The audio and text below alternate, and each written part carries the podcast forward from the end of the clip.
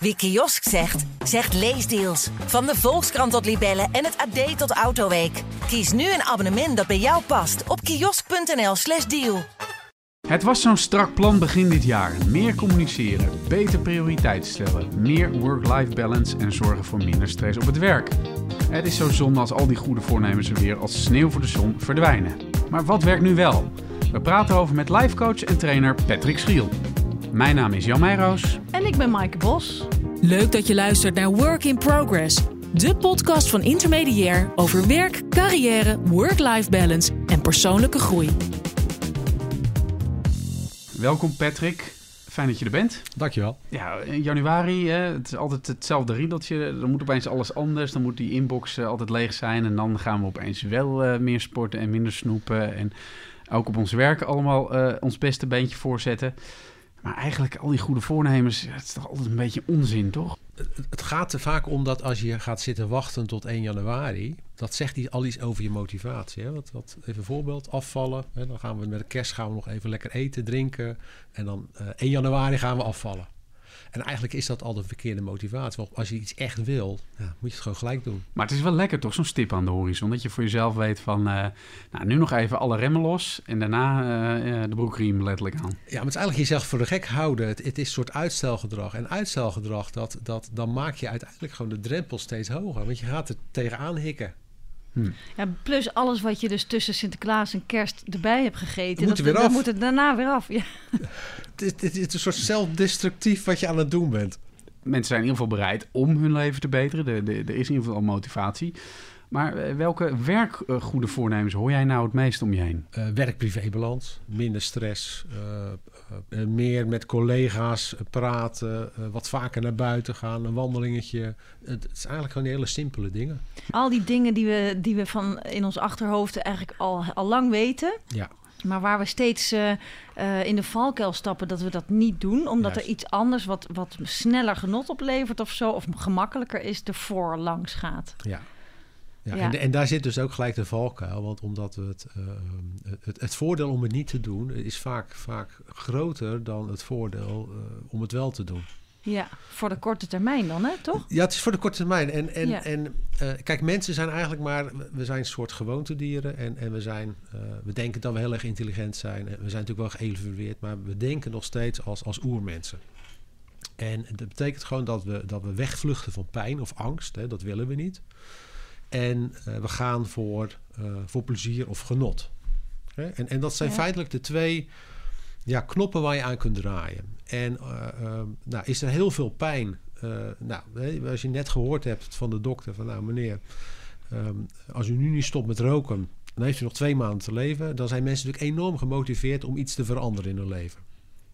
Maar als je te horen krijgt van, nou, goh, uh, u bent, heeft misschien wat overgewicht en nou, dat zou over twintig jaar misschien voor een probleem kunnen zorgen. Heel veel mensen zullen, zullen Ja. dan misschien wel ja tegen die dokter zeggen, maar dan denken van, nou, laat maar. Hè, weet je, het, het, het zal mijn tijd wel duren. Dus, dus Ja. de goede voornemens werken vaak niet omdat je niet concreet direct Juist. die winst in het vooruitzicht ziet. Juist, ja. Of de winst ligt heel erg in, het, in het, erg in de toekomst.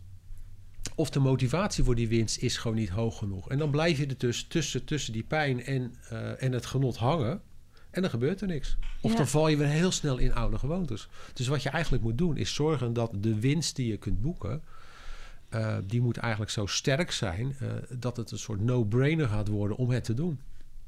Maar goed, dat zal je dan, dan is het toch vaak eerst in de praktijk brengen. Dan uiteindelijk krijg je een resultaat en dan denk je, aha, het werkt. Ja, maar je, je, kijk, eigenlijk zit er een stap voor. Je moet eerst weten waarom je het doet. Wacht Kijk- even hoor, ja, want, want wat, dit, was, dit gaan we helemaal ontleden straks, Ja. hè, van hoe, hoe dat dan werkt en zo. Maar ik wil heel eventjes terug naar die soort voornemens en of daar nou iets mee aan te vangen valt. Want Intermediair heeft bijvoorbeeld een onderzoek gedaan samen met Motivation. En daaruit blijkt, eh, daar, dat ging dan over wat mensen dit jaar willen veranderen. En Ja. 32 procent, dat was het hoogste aantal, wil minder stress. Maar wat is nou minder stress? Want ja, dat hangt van zoveel dingen af. Van je werkgever, van de workload die je krijgt, van eh, de kinderen thuis en zo. Hoe, eh, hoe moet je dat nou concreet vertalen, zodat wat jij zei net van dat de winst voelbaar wordt? Nou, dan moet je eerst kijken, waar komt die stress vandaan? Kijk, op het Ja. moment dat ik, dat ik, dat ik eh, ehm, eh, we zitten hier nu in Amst- Amsterdam en ik loop op de Kalverstraat en het is een drukke winkeldag en ik, ik ga mensen interviewen en ik ga vragen, goh, meneer, mevrouw, werkt u? Ja, ik werk. Heeft u druk op uw werk? Ja, hè, waarschijnlijk 90, 99 procent zullen dan zeggen dat ze het enorm druk hebben. Maar ik denk dat als ik meega naar kantoor en ik ga ze gewoon observeren, gewoon eens kijken wat doen ze dan, dan valt het waarschijnlijk wel mee. Dus mensen zijn veel meer druk in hun hoofd Oh, dan ja? dat ze eigenlijk druk zijn. En zo is het ook met stress. Want stress is natuurlijk ook iets wat je ervaart. Jij denkt dat ik het herkenbaar vind. nee, dat is ook zo. Ja, want soms denk je ook, goh, ik heb wel stress, maar dat komt ook doordat ik eerst een uur heb lopen lanterfanten. Bijvoorbeeld. Ja, of misschien ondertussen met je vakantie bezig bent of met het huiswerk van de kids. Ja, ja.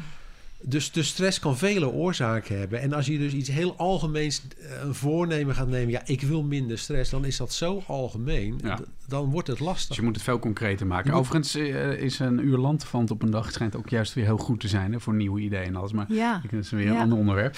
Eh, Gelukkig. eh, nou ja, want sommige ideeën die zijn dan al zo concreet en toch lukt het niet. Bijvoorbeeld ehm, time management. Hè? Ja. Dat is dan zo'n ding van, nou ja, dan, heb je, dan ga je 's ochtends of het liefst 's middags aan het eind van je werkdag ga je de, de dag van morgen plannen. En dan schrijf je op, dit moet eh, van 9 tot 10 en dat van 10 tot 11. Ja, ik heb ooit zo'n cursus gedaan en daar leerde ik dit. Ja. Maar dan, heb je dus, dan moet je dus elk uur bijhouden van... heb ik daar dan ook een uur over gedaan? Of eh, be- ben ik daar dan langzamer mee geweest? En eh, hoe- waar haal ik dan weer dat half uurtje vandaan? Nou, dat is dus voor sommige mensen misschien heel lekker... maar het werkt voor mij voor geen meter. Hoe Klopt. kan dat nou? Nou, omdat ook, ook met time management. eh, kijk, waar ik met mijn cliënten mee bezig ben, of het nou over, over zakelijk is of, of iemand als, als particulier komt. Ik kijk altijd even achter, achter die vraag van waarom wil iemand eh, iets met time management doen? Want je kunt iemand wel leren om zijn mailbox eh, op te ruimen. En, en, en je kunt iemand wel leren om veel efficiënter dingen te doen. Maar als er achter die vraag eh, eh, iemand zit die het lastig vindt om nee te zeggen, dan ga je dus iemand leren om nog drukker te worden, terwijl die nog steeds geen nee kan zeggen. Dus dan kun je veel beter met iemand aan de slag gaan om wat vaker nee te zeggen. Ja, Dus ik ben eigenlijk altijd met cliënten, met organisaties bezig van, ja, ik, ik noem het altijd een soort hengelen. Ik, ik werk een paar keer hengelen uit en kijken of ik beter heb.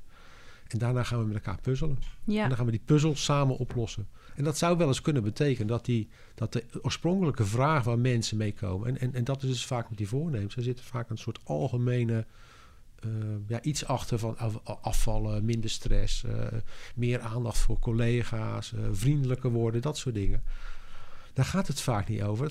Wat ik altijd in de training roep is van... soms gaan we met elkaar, gaan we, of gaan we met onszelf het, het gevecht aan.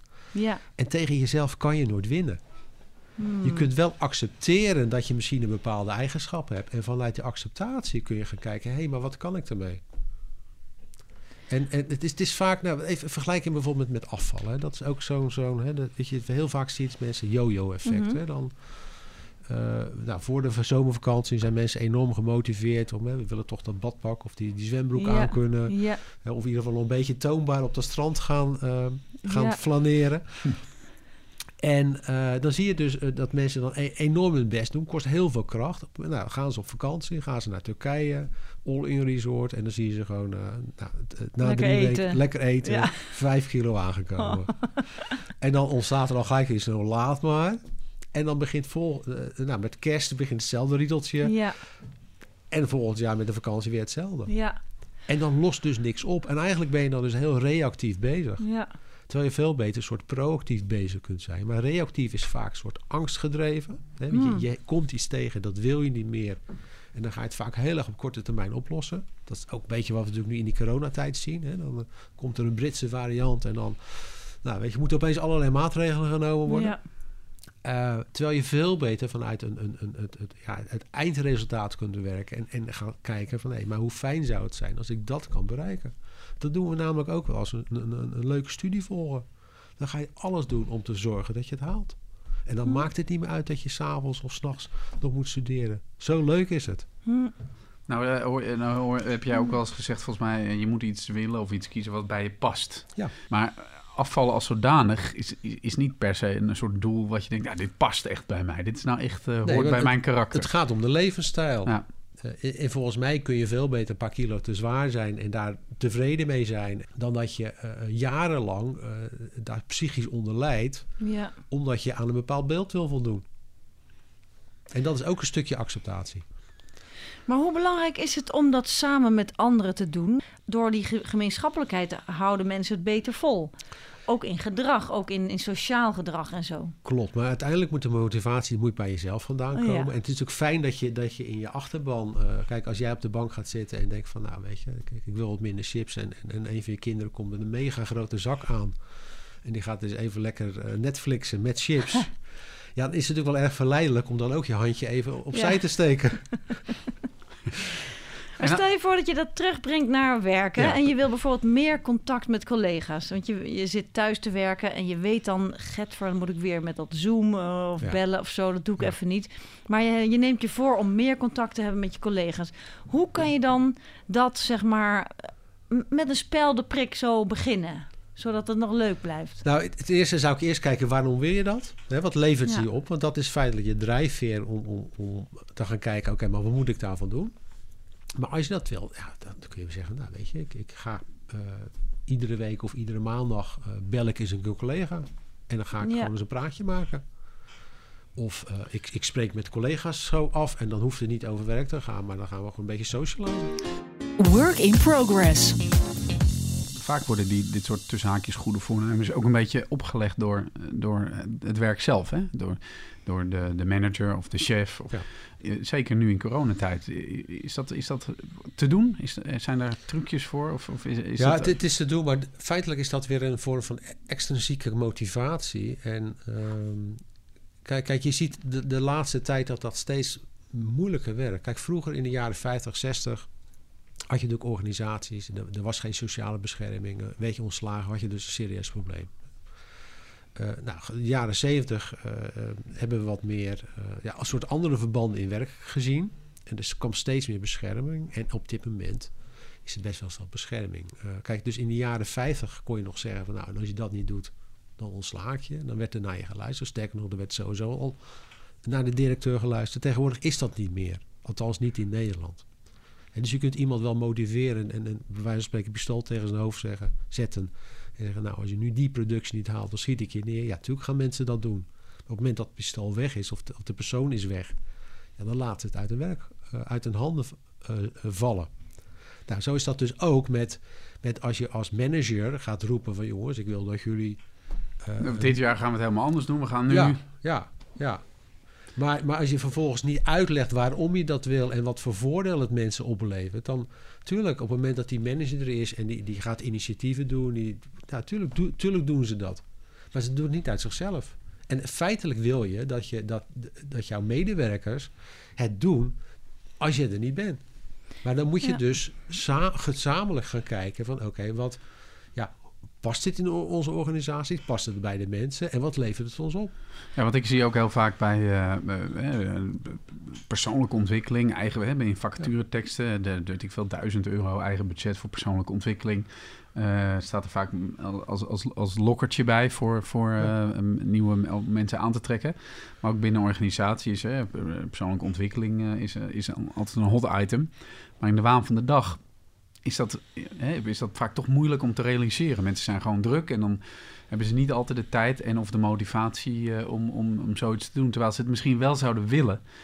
Ja, maar gewoon, ja, een dag heeft maar zoveel uur. Voor je het weet is er, is er weer een dag voorbij.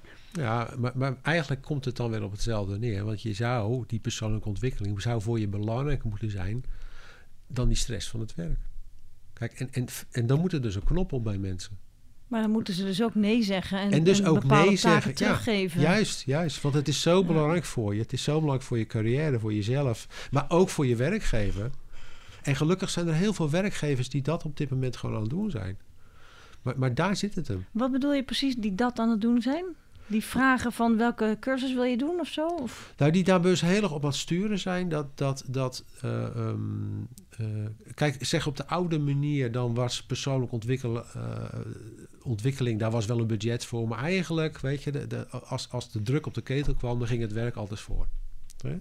Terwijl op dit moment zie je dus organisaties die eh, eh, mensen eigenlijk gewoon uitroosteren om aan die persoonlijke ontwikkeling te gaan doen. Ja, ja, dus echt, echt bij van Ja. spreken het voor ze inplannen. Ja. Dat ze En- echt die ruimte en- kunnen en- pakken. Ja, en dan geef je dus ook als werkgever het goede voorbeeld. Ja. Want als directeur of als manager, mensen kijken naar je. Kijk, en als jij dus het, het, het gedrag laat zien dat jij heel druk bent en geen tijd neemt om nou, af en toe te ontspannen. Ja, niet zo raar dat, dat mensen dat dan ook gaan volgen. Ja, toch ben ik daar altijd sceptisch over. Want dan heb je misschien één dag per week uitgeroosterd voor die cursus. Maar je hebt nog steeds evenveel werk op je bureau. En dat moet je dan in die vier dagen sneller doen. Nou, en daar moet dus ook naar gekeken worden. Ja. Want, want dat, dat is dus namelijk niet congruent wat je dan aan het Ja. doen bent. En bovendien vergeet die miljoen ZZP'ers niet. Die, eh, die, eh, die hebben dus niet die bescherming van als je niet voldoet, dan vlieg je er eh, alsnog niet Ja. uit. Dus die zullen ook alles willen doen om, om de opdracht te behouden. Dus eigenlijk is het helemaal niet zo makkelijk. Je, kunt wel zeggen, nou ja, dan neem je toch de vrijdag voor die cursus. Maar want dat goede voornemen van ik wil meer persoonlijke ontwikkeling, dat gaat dan ook dwars in tegen dat goede voornemen van ik wil, ik wil minder stress. Ja, en, en dus is die motivatie gewoon belangrijk. Dus, dus, dus ik ben eigenlijk altijd in, in, in trajecten, en of het nou een, een team is of, of individueel, ik ben altijd bezig met die motivatie. Ja. Waarom wil je dat? Wat levert iets op? En Ja. dat is namelijk jouw drijfveer om acties Ja. te gaan nemen. En minder stress, hè? Wat zou dan de drijfveer daaronder kunnen zijn? Want ik zit te denken, een luisteraar die dit hoort, die wil ook minder stress. Maar Ja. waar kan die dan naar gaan Ik ken zoeken? niemand die zegt ik wil meer stress. Nee, precies. Maar wat is dan die drijfveer daaronder? Wat zou je dan eigenlijk willen als je minder stress hebt? Nou ja, dan ga ik, ja, ik, ik, ik kan een aantal redenen gaan Ja, noemen hoor. Maar, ja. maar Bij iedereen Eh, anders, maar toch. dat kunnen mensen zijn. die- Ik heb het idee dat ik het niet onder controle heb. Maar dan zit er misschien bij mensen controlebehoefte achter. Of eh, kijk, als je gaat kijken naar mensen, naar, zeker op, op, op werk. eh, ja, iedereen wil een bepaalde manier van autonomie. Iedereen wil zelf beslissing kunnen maken. Ja. Iedereen wil kunnen groeien. En dat zijn soort basisbehoeftes. En als je daarna gaat kijken. Eh, dan kun je beter mensen gaan leren om, om aan die basisbehoeften toe te gaan komen. En wat, wat ze daarvoor kunnen bereiken. Dan dat je puur op die stress gaat zitten. Want, het is hetzelfde als je hoofdpijn hebt. En dan, dan, nou, we nemen we paracetamol. En, en dan is de hoofdpijn weg, hopen we. Eh, maar als de oorzaak van die hoofdpijn is dat als je s'avonds avonds of te laat naar bed gaat. Of twee eh, flessen wijn neemt. eh, dus je kunt beter aan de Ja. oorzaak werken dan aan het gevolg. Ja, Dat werkt veel krachtiger dan dat je een soort symptoombestrijding gaat ja. doen. En dat is dus ook, dat zou ook een goed voornemen kunnen zijn. Van, want ik zit te denken, hoe kun je dat klein maken? Je kunt niet zeggen, mijn goede voornemen is aan mijn autonomie werken. Maar je kunt wel bijvoorbeeld denken van, ik zeg één keer per week een keertje nee tegen Bijvoorbeeld. iemand. Maar dat is, dat, is, dat, dat, dat is een hele makkelijke actie. Ja. Dus de, de drempel is niet hoog. En dat is ook een actie die je, eh, die je vo- gelijk voordeel kan opleveren. Dus als, als, als dat voor jou een, probleem is. Dat vind ik eigenlijk wel een goede. Eén keer per week Ja. nee zeggen Ja. tegen Ik bedenk het zo, maar ja. ja. Nee, maar serieus. Het, het, ik, ik, in de trainingen die ik geef, het is een serieus probleem bij mensen. Eh, ehm, dat heeft enigszins met je karakter te maken, misschien met je opvoeding eh, of, of ook gewoontes. Maar mensen hebben daar probleem mee. En dus je moet eigenlijk op zoek gaan naar de quick wins. Dus met een paar hele simpele stappen. Bijvoorbeeld, nou, wat gaat er gebeuren als ik eh, minimaal één keer per dag een keer nee ga zeggen? En dan kun je de hulp van je baas in, in, inroepen. Zeg van, nou weet je, dit, dit ben ik van plan. Help je me erbij? Nou, waarschijnlijk ja. ja, dan zegt hij nog ja. Ja, maar het, het levert hebben ook wat op. Oh ja, wat dan? Want weet je hoeveel het kost als mensen uitvallen? Ja, Ja. ja, absoluut. Ja. En, men- en mensen vallen dus uit doordat ze geen nee kunnen Ja. zeggen, bijvoorbeeld. Work in progress. Die quick wins. Ja, dat is interessant, hè? Want dan, kijk, we moeten al de vertaalslag maken van... stel je voor, je wilt bijvoorbeeld ehm, meer efficiënt werken... dan moet je dus al de vertaalslag maken naar welke behoefte zit daarachter... en dan moet je dat nog in duizend stukjes knippen Ja, nou, eigenlijk. nou hoor ik je al twee keer moeten zeggen in die zin. Nou, leg... En daar zou ik toch wel willen van willen maken. Ja, willen. Oh ja, nou zie je, zo zit ik Want, in het, want als jij moet afvallen of Ja. moet Ja, eh, korter moet werken, dat, dat is al zwaar. Ja. En, en, en, eh, nou, ik moest hier vandaag naartoe. Eh, moest, Maar je- maar je ik wil- je wilde. wilde, ja. Ik wilde. Ja. hey, maar dat is dus eh, tip nummer één, Ja. hè? Maak, en dat hoor ik al vaker natuurlijk... maak in je taalgebruik een switch van het woord moeten naar het woord willen. Dat Ja, wat, helpt wat al. moeten heeft iets negatiefs en, en willen heeft iets positiefs. Nou, moeten is dwingend. Ja. Ja. En men- we houden niet van moeten. En, en ja, iets willen, dat levert... eh, Willen geeft vrijheid. Ja, oké, dus stel je voor, ik wil efficiënter werken. Hè? Ja. Nou, wat Ja. wil ik dan echt? Vertel het Oké, me nou maar eens. waarom wil je en Ja. efficiënter werken? Ja, dus dan Dan denk ga ik ik zo'n vervelende coachvraag stellen. van waarom of- wil je dat? Nou ja, oh, oh, er blijven tijd. altijd dingen liggen. Ik Ja. doe altijd maar gewoon het werk dat ik al doe. Maar ik wil ook best wel eens een keer, eh, weet je wel, een beetje werken aan... eh, goh, wat zou ik nou nog meer willen? Wat zou ik... Een, ik wil wel eens een keer een, een groot essay schrijven. Ja. Kom ik nooit aan toe, want het werk van vandaag gaat altijd voor dat grotere plan. Oké, dus het heeft Eh. waarschijnlijk niet met efficiënt werken te maken... met prioritiseren van je, van je ja, taken. is dat niet hetzelfde ook? Ah, oké, Ja, dat- het zijn twee, voor mij Nee, maar twee even, zelfde even, even, persoonlijk, oké. persoonlijk zijstapje. Dat over dat essay schrijven hoor ik jou al jaren. Heel lang, ja. Ja, dus dat moet je gewoon gaan. Dat moet je niet. Dat maar- moet ik willen. Ja. Nee, nee, dus dat is iets, dat vind ik te vaag. eh, dus dan vind ik dat moeilijk om daaraan te beginnen. Terwijl al die andere dingen die ik doe concreet zijn. Nou, dus je moet het concreet maken. Dus, dus als je, Ja. stel je voor, je gaat dat essay schrijven. Wat gaat het je opleveren? Nou, dat ik eens een keer heel trots ben op mezelf, bijvoorbeeld. Ja, en hoe leuk is het om het te doen? Dat weet ik nog niet. Misschien wordt het wel een grote mm, worsteling en Oké, zoektocht. maar stel dat je het gaat ontdekken. Ja, nou, dat Ja, lijkt me eigenlijk ja. heel leuk om te doen. Heerlijk, ik krijg hier gewoon live hier voor mij. eh voor mij Coachinggesprek. begint hier gewoon een coachingsgesprek eh, samen. Maar, Nou, dus het idee is van als ik efficiënter mijn gewone taakjes eh, voorbij, eh, weet je wel, werk, dan hou ik tijd over voor. Ik geloof er helemaal niks van als je dat zo zegt. Ja. Want waarschijnlijk wat er gaat gebeuren is Nou? dat jij, doordat je efficiënter gaat werken, ga je nog meer taakjes doen, door- waardoor je minder tijd overhoudt voor dat Oh essay. ja, ja. Omdat ik dat eigenlijk heel, heel eng vind. Nou, omdat je dat... Ja, dus ja. Kijk, we hebben het hier dan misschien ook wel over angst. En de meeste angst is bijvoorbeeld angst voor succes. Oh ja? Want als er diep van binnen een stemmetje zit van, van, ja, weet je, dan heb ik dat geschreven. Dan gaan de mensen naar kijken en dan wordt er een review over gedaan. Die gaan het beoordelen. Nou, onbewust drukken we dat dus weg. En dan ga je allerlei excuses vinden om het maar niet te doen. Dat is interessant, want ik dacht dus dat ik een angst voor falen had. Want ik dacht, zolang het nog een droom blijft... Bijvoorbeeld, ik wil ook een boek schrijven. Nou, zolang dat nog een droom blijft, is dat nog leuk, dat idee van dat boek. Maar stel je voor dat je dat boek schrijft en het wordt niks... dan, dan is je droom aan diggelen. Ja, kan ook. Maar, dus je kunt ook nog bang zijn voor dat dat boek een vlucht neemt. Ja, Oh, Maar goed, eh, eh, volgens mij eh, zijn er twee dingen. Ik ben, ik ben geen coach, psycholoog, maar het boek schrijven is volgens mij al een prestatie op zich. Daar zit in gekoppeld dat het, dat het per se een groot succes moet worden. dat zit Dat daar... boek. Ja, Want dat zit al- als, jij, als jij een boek schrijft, is dat sowieso een prestatie om Ja. trots op te zijn, toch? Ja, Ja. Dat het dan niet in de top 10 eh, bij de Bruna straks ligt. Ja, balen. Maar goed, als we dat even terughalen naar weg van mij, hè, Ja. daar hou ik van, dat het niet over mij gaat. Dat gaat al een tijdje ja, nou weer. ja, daarom.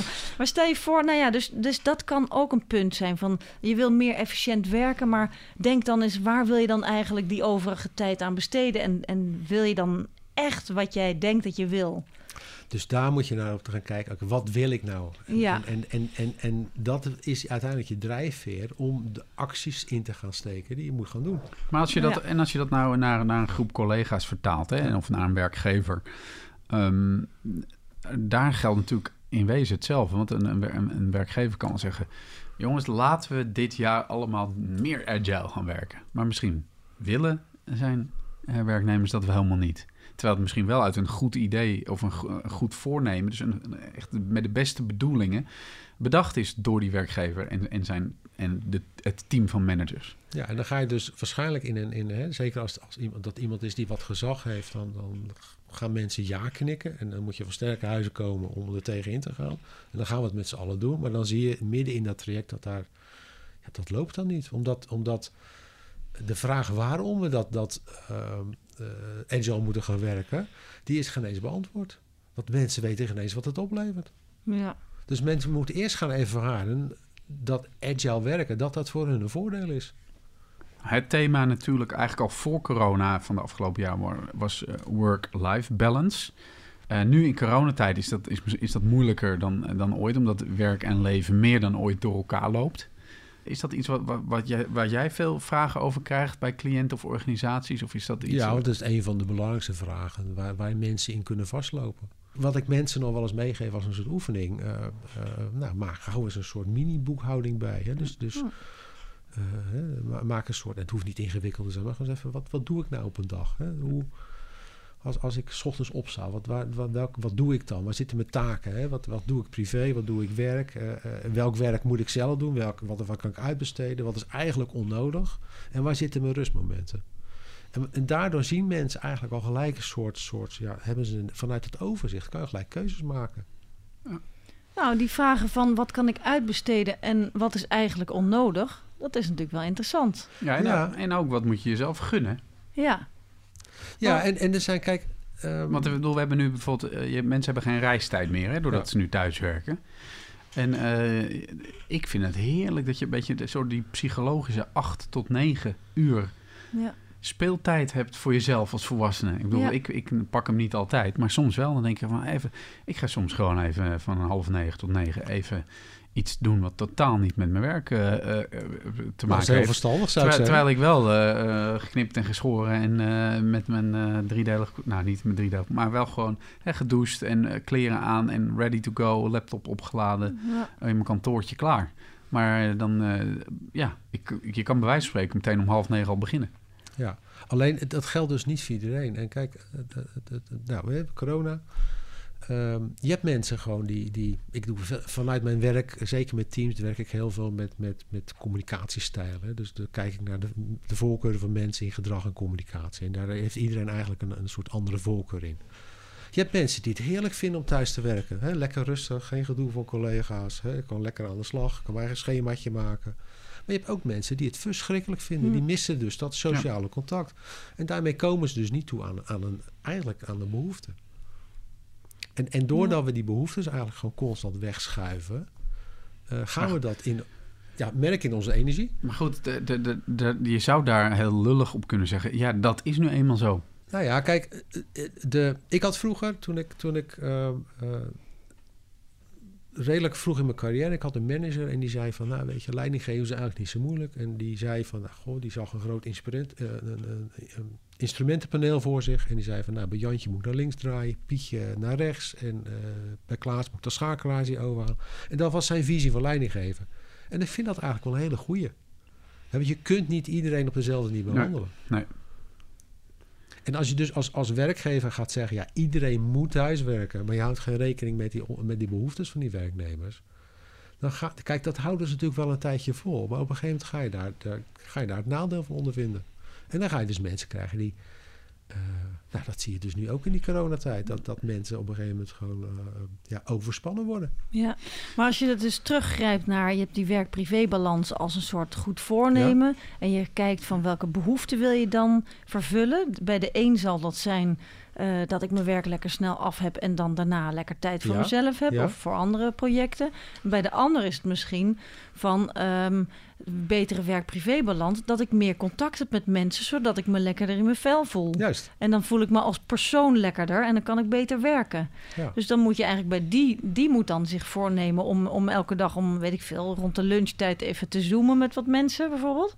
Terwijl de ander misschien juist een rondje moet hardlopen of zo. Juist, maar, maar dat is vaak voor mensen heel moeilijk om daarachter te komen. Ja, want- dat lijkt me Mensen lastig. zitten vaak zo vast in hun denkpatronen... Ja. dat je dus dan iemand extern nodig hebt om dan te zeggen... nou, wacht even, als je nou dit doet of als je het anders zou indelen...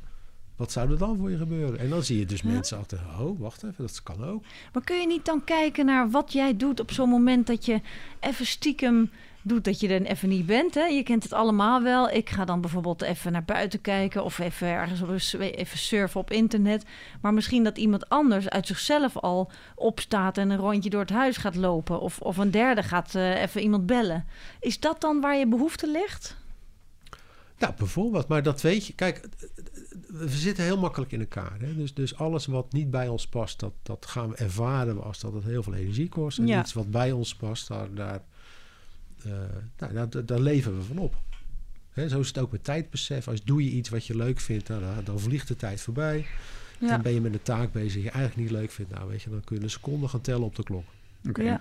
Dat is dus een goede om op te letten, waar je energie van krijgt. Ja. En daar kun je je goede voornemens op eh, baseren. Ja, en, en, en daarna natuurlijk ook gaan kijken. Want je moet iets jezelf natuurlijk wel gunnen. Ja. Want als er diep van binnen een stemmetje zit waarom... Hè, de, de- nou, moet je voor, als voorbeeld. eh, stel je voor dat, dat een van jullie ouders eh, zo, zo'n zo'n uitdrukking had. Zo'n oud-Hollandse uitdrukking. Luiheid is des duivels oorkussen. Hè? Dat werd vroeger dan tegen je gezegd. En dan, Nou, en dan zit je een keer uh, smiddags op de bank met een kopje thee, koekje erbij.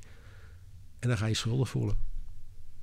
Dat zijn vaak van die onbewuste, ja, eigenlijk belemmeringen of overtuigingen die we hebben. Ja. Die, die, Calvinistische Heb je inslag. super efficiënt gewerkt? Heb je je werk eigenlijk al af? Ja.